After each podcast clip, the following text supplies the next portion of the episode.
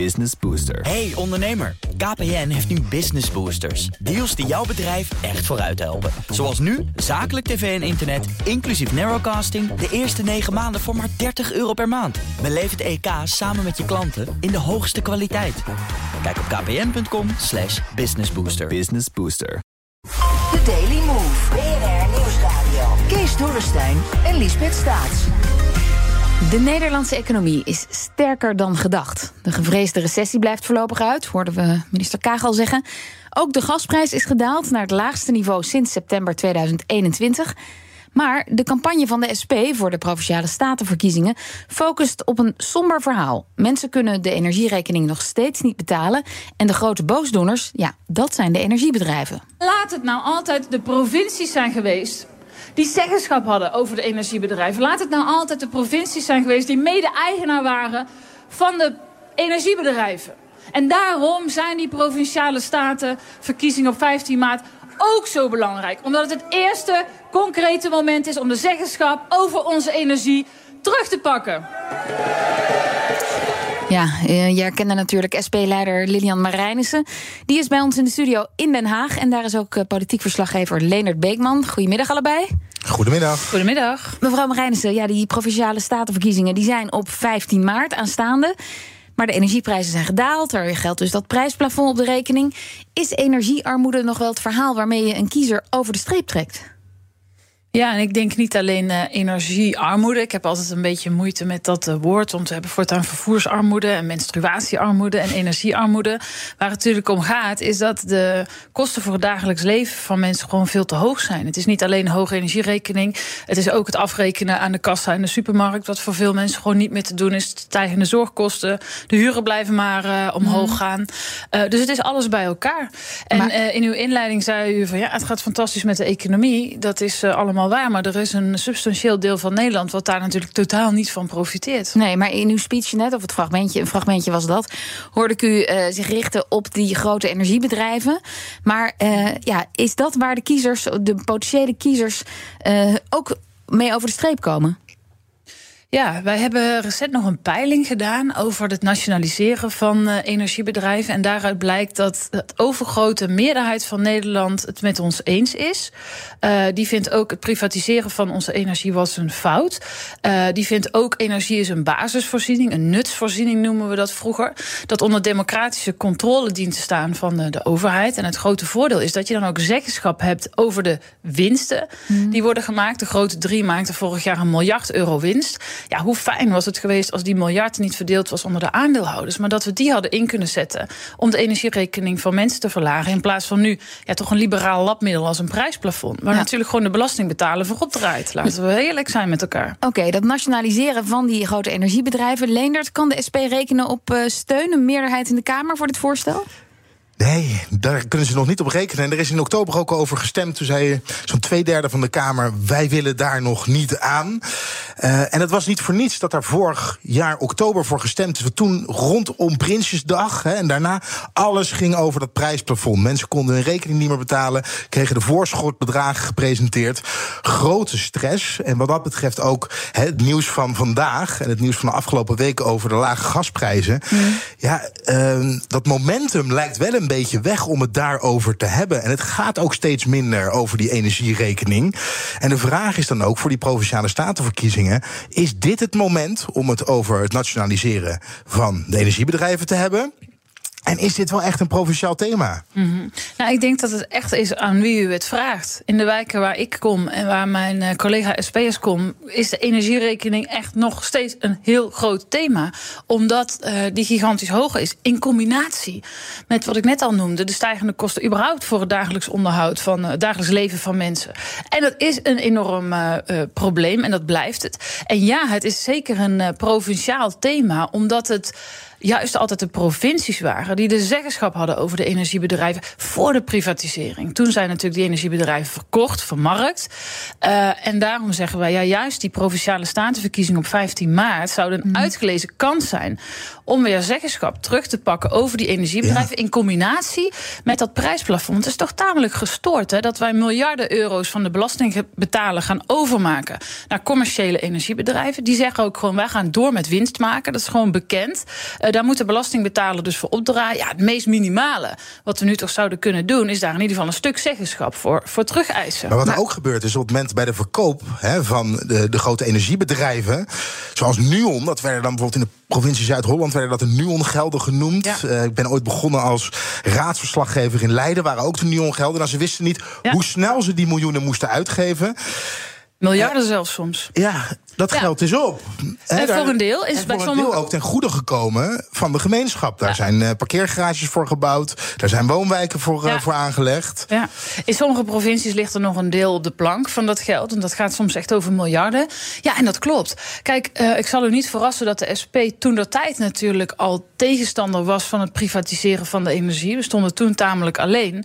Maar inmiddels, we zijn een volkspetitie gestart. Die is meer dan 120.000 keer ondertekend voor het nationaliseren van de energie. Maar de meest gehoorde reactie daarop is: ja, hartstikke goed, het nationaliseren van de energie. Maar ook de zorg. Daar moeten we ook stoppen met de marktwerking. Ook het openbaar vervoer. Bij uitstek provinciaal Maar- thema natuurlijk nu en heel actueel. Ook daar werkt de marktwerking. Maar niet. is het niet een veel eh, kortere weg om bij deze provinciale statenverkiezingen u te richten op bijvoorbeeld de bouw van meer sociale huurwoningen, duurzame initiatieven of mensen te helpen met de hele energietransitie en bedrijven? Want daar gaat de Ja. provincie op korte termijn toch over?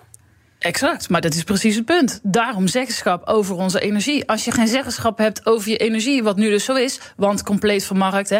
Nederland heeft de meest geliberaliseerde energiemarkt van Europa, nota bene. We hebben er geen klap over te zeggen. Dus ook al die, al die praatjes over de energietransitie die keihard nodig is. Ja, beter organiseer je dan dat je er ook wat over te zeggen Oké, hebt. dus, dus het punt van de SP voor deze verkiezingen... dat blijft het nationaliseren, of het, het belangrijkste punt blijft het nationaliseren van die energiebedrijven. Leendert, Ja, dat- wat zijn de thema's van de andere partijen?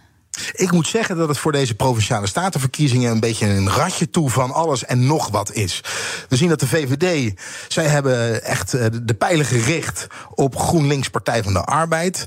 De linkse wolk, zoals ze dat dan noemen. Met de mededeling, ze komen zometeen u geld ophalen, uw vermogen. Het CDA begon over eh, de dienstplicht, begonnen ze te spreken. Maar ook met het, en ze hebben een soort slogan, minder ik, meer wij. Nou, daar hebben ze een hele een, een heel visiestuk bij geschreven. Eh, dat betekent dat we, en dat is eigenlijk wel hetzelfde wat eh, mevrouw Marijnissen ook vertelt, het falen van het neoliberaal denken. Daar komt het eigenlijk op neer. We Hm. moeten weer naar het gemeenschapsdenken toe, in plaats van het denken in. eh, Maar het klinkt allemaal heel groot. Niet echt provinciale Klinkt heel staten. groot. Precies, Liesbeth. En dan gaat het ook nog eens een keertje over migratie en heel veel thema's. eh, de stikstof.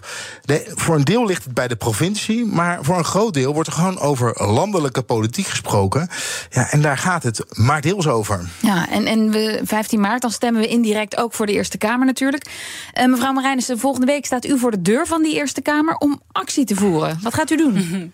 Klopt, dat gaat over de nieuwe pensioenwet. Die is natuurlijk door de Tweede Kamer al, eh, al aangenomen.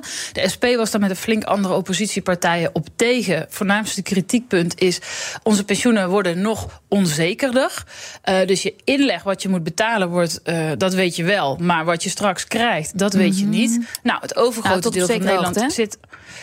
Nee, dat is zo. En het overgrote deel van Nederland zit daar niet op te wachten. In de Eerste Kamer wordt dit eh, nog eh, besproken. Daar zal niet eh, over gestemd worden voor de provinciale statenverkiezingen. Dat maakt dus ook dat dit onderwerp ook. Ja, sorry Leendert, inderdaad, het gaat over veel onderwerpen. Maar pensioenen is toch ook wel een hele belangrijke voor heel veel mensen. Eh, dat dat ook een belangrijk thema wordt voor de provinciale statenverkiezingen. En daarom eh, staan wij volgende week bij de Eerste Kamer eh, eh, voor de deur. En toch een beetje in de hoop dat de Eerste Kamer het er niet al doorheen heeft, er doorheen heeft eh, gekregen. Nee, dat is niet de verwachting. Nee, Nee, want- want in de Tweede Kamer hebben ze natuurlijk heel lang erover gedaan. Ja, het gaat ook over heel veel. Hè. Dit gaat over ontzettend veel geld. Dit gaat over ons complete. 1500 miljard exact, euro. zit er in de Ja. pot. Dit gaat over ons complete pensioenstelsel. Dus dat is nogal wat. Dus de verwachting is absoluut niet dat dit nog voor de provinciale statenverkiezingen door de Eerste Kamer eh, gaat. Ja, en daar moet, eh, daar moet het kabinet natuurlijk wel een, eh, een meerderheid nog zien te vinden. Maar- dan ook na de verkiezingen hiervoor. Maar ook dit vind ik een voorbeeld van eh, een thema, een onderwerp. Pensioenen, ja, daar hebben de provincies niet zoveel over te zeggen. Nee, maar de Eerste Kamer wel. En zoals u weet, wordt de Eerste Kamer natuurlijk getrapt, ook gekozen door, eh, door de provincies. Zeker. Dus, eh, Maar is dat dan ook een campagnethema? Absoluut. De pensioenen zijn voor zoveel mensen zo ontzettend belangrijk. Al is het maar omdat de pensioenen natuurlijk jarenlang tot afgelopen jaar voor heel veel mensen niet of nauwelijks zijn eh, geïndexeerd. Dat betekent dus dat de prijzen eigenlijk meer omhoog gingen dan je pensioen. Dus mensen in koopkracht erop achteruit zijn gegaan. Ja, en dat in tijden van economische groei van hier tot ginder. Jullie hadden het er net ook al even over. Ja, dat is natuurlijk heel eh, oneerlijk. Dus dat is een, uh, zeker een zeer belangrijk thema, ja. Maar mevrouw Marijn, is, ik, ik, zie vaak als het dan over provinciethema's gaat... zie ik woningbouw bijvoorbeeld, stikstof, provinciale inrichting... dit, dit voelt, kan het dan ook niet uiteindelijk voelen als dat de, uw campagneteam niet weet hoe ze de mensen in de provincie moeten aanspreken. Dus dat er maar op landelijke thema's wordt ingezet. Nou volgens, nou, volgens mij heeft u dan net niet goed geluisterd. Ik heb, ik heb heel goed geluisterd, waarom... uh, inderdaad. Maar nou, wat heeft u toch gehoord is... dat de energie juist een provincie... Het waren juist altijd de provincies die het zeggenschap hadden ja, over de energiebedrijven. Nee, dat is precies het probleem. We nee, gaan nu miljarden belastinggeld overmaken. Dat, dat de thema's nu, als u als u, u kunt natuurlijk op de verschillende sites van de, publieke, van de, van de politieke partijen kijken. Hè. Daar zie je vooral provinciaal de thema's. Wat gaan we doen met stikstof? Wat gaan we doen qua ruimtelijke inrichting? Wat gaan we doen met de huizen? En u noemt nu hele andere thema's in één keer. Ja, maar mag dat? Wij zijn de SP, dus ik weet niet welke partijen u uh, op doelt. Ik, ik doe uh, we hebben ook ideeën als het gaat over, over wonen natuurlijk. Dat vinden we ontzettend belangrijk. Dat er uh, meer betaalbare huizen gebouwd worden. Daar hebben we allerlei ideeën over. Dus daar zal het zeker ook over gaan. Maar u doet het net voorkomen alsof energie geen provinciaal thema zou zijn. Ja, bij uitstek dus. Mensen met enig historisch besef weten dat het juist, juist bij uitstek een provinciaal thema uh, was. Okay, en dat de Eerste Kamer even... gekozen wordt, dat is natuurlijk ook een feit. Nog even een ander onderwerp, eh, mevrouw Marijnissen, voordat we er een einde aan breien. Uh, GroenLinks en Partij van de Arbeid, die hebben uh, een samenwerking. Hè? Die gaan samen, die zoeken elkaar op. Heeft u er -hmm. spijt van dat u niet meedoet? Nee hoor. Nou, dat is heel helder. Antwoord, ja. ja. Nou ja de, Eerste Kamer gaat toch wel belangrijk zijn, ook na de provinciale mm -hmm. statenverkiezingen. En je ziet nu toch dat er ook vandaag weer een succesje wordt binnengehaald. Hè. De Partij van de Arbeid GroenLinks, uh, het met over het minimumuurloon, is vandaag door de Eerste Kamer gekomen. Ja, dat kunnen ze dan toch weer vieren. En daar staat de SP er niet bij. Ja, maar dat is natuurlijk weer een heel ander, uh, een heel ander punt. Kijk, je kunt uh, samenwerken met uh, partijen waar je het op onderwerpen mee eens bent. En dat doen wij zeker met Partij van de Arbeid en GroenLinks. Bijvoorbeeld als het gaat over het verhogen van het minimumloon. Maar ja, ja. dat doen we ook met Pieter Omzicht. Als het gaat over het toeslagenschandaal. En dat heb ik gedaan met Gert-Jan Zegers. Als het gaat over het reguleren van arbeidsmigratie bijvoorbeeld. Dus ja, we zijn voor samenwerking. Maar daarvoor hoeven wij niet onszelf op te heffen of te fuseren. Okay. Met een partijen die, die toch gewoon echt anders anders zijn dan, uh, dan wij. Even nog naar uh, de, het moment van nu, want u bent nog op tour met uw boek... De winst van eerlijk delen. Gisteren was ja. u in de Kuip. Hoe lang ja. duurt die tour nog? Ja, nou, uh, uh, het is wel bijzonder om te zeggen, want gisteren stond ik in de Kuip inderdaad en aanstaande vrijdag in Gelredoom in Arnhem. Oké, okay. goede zalen. Ja, ja, zeker, zeker, zeker. En ik ga nog, uh, Humberto Tan gaat nog in Os met mij in gesprek. Leon Verdonschot in Heerlen. Uh, Sinan Chan zal het gesprek uh, vrijdag doen. En maan, of, gisteren was het met Fidan Ekies. En ja, het leuke is, de zalen zitten vol. En dat vind ik wel bijzonder voor een politiek boek.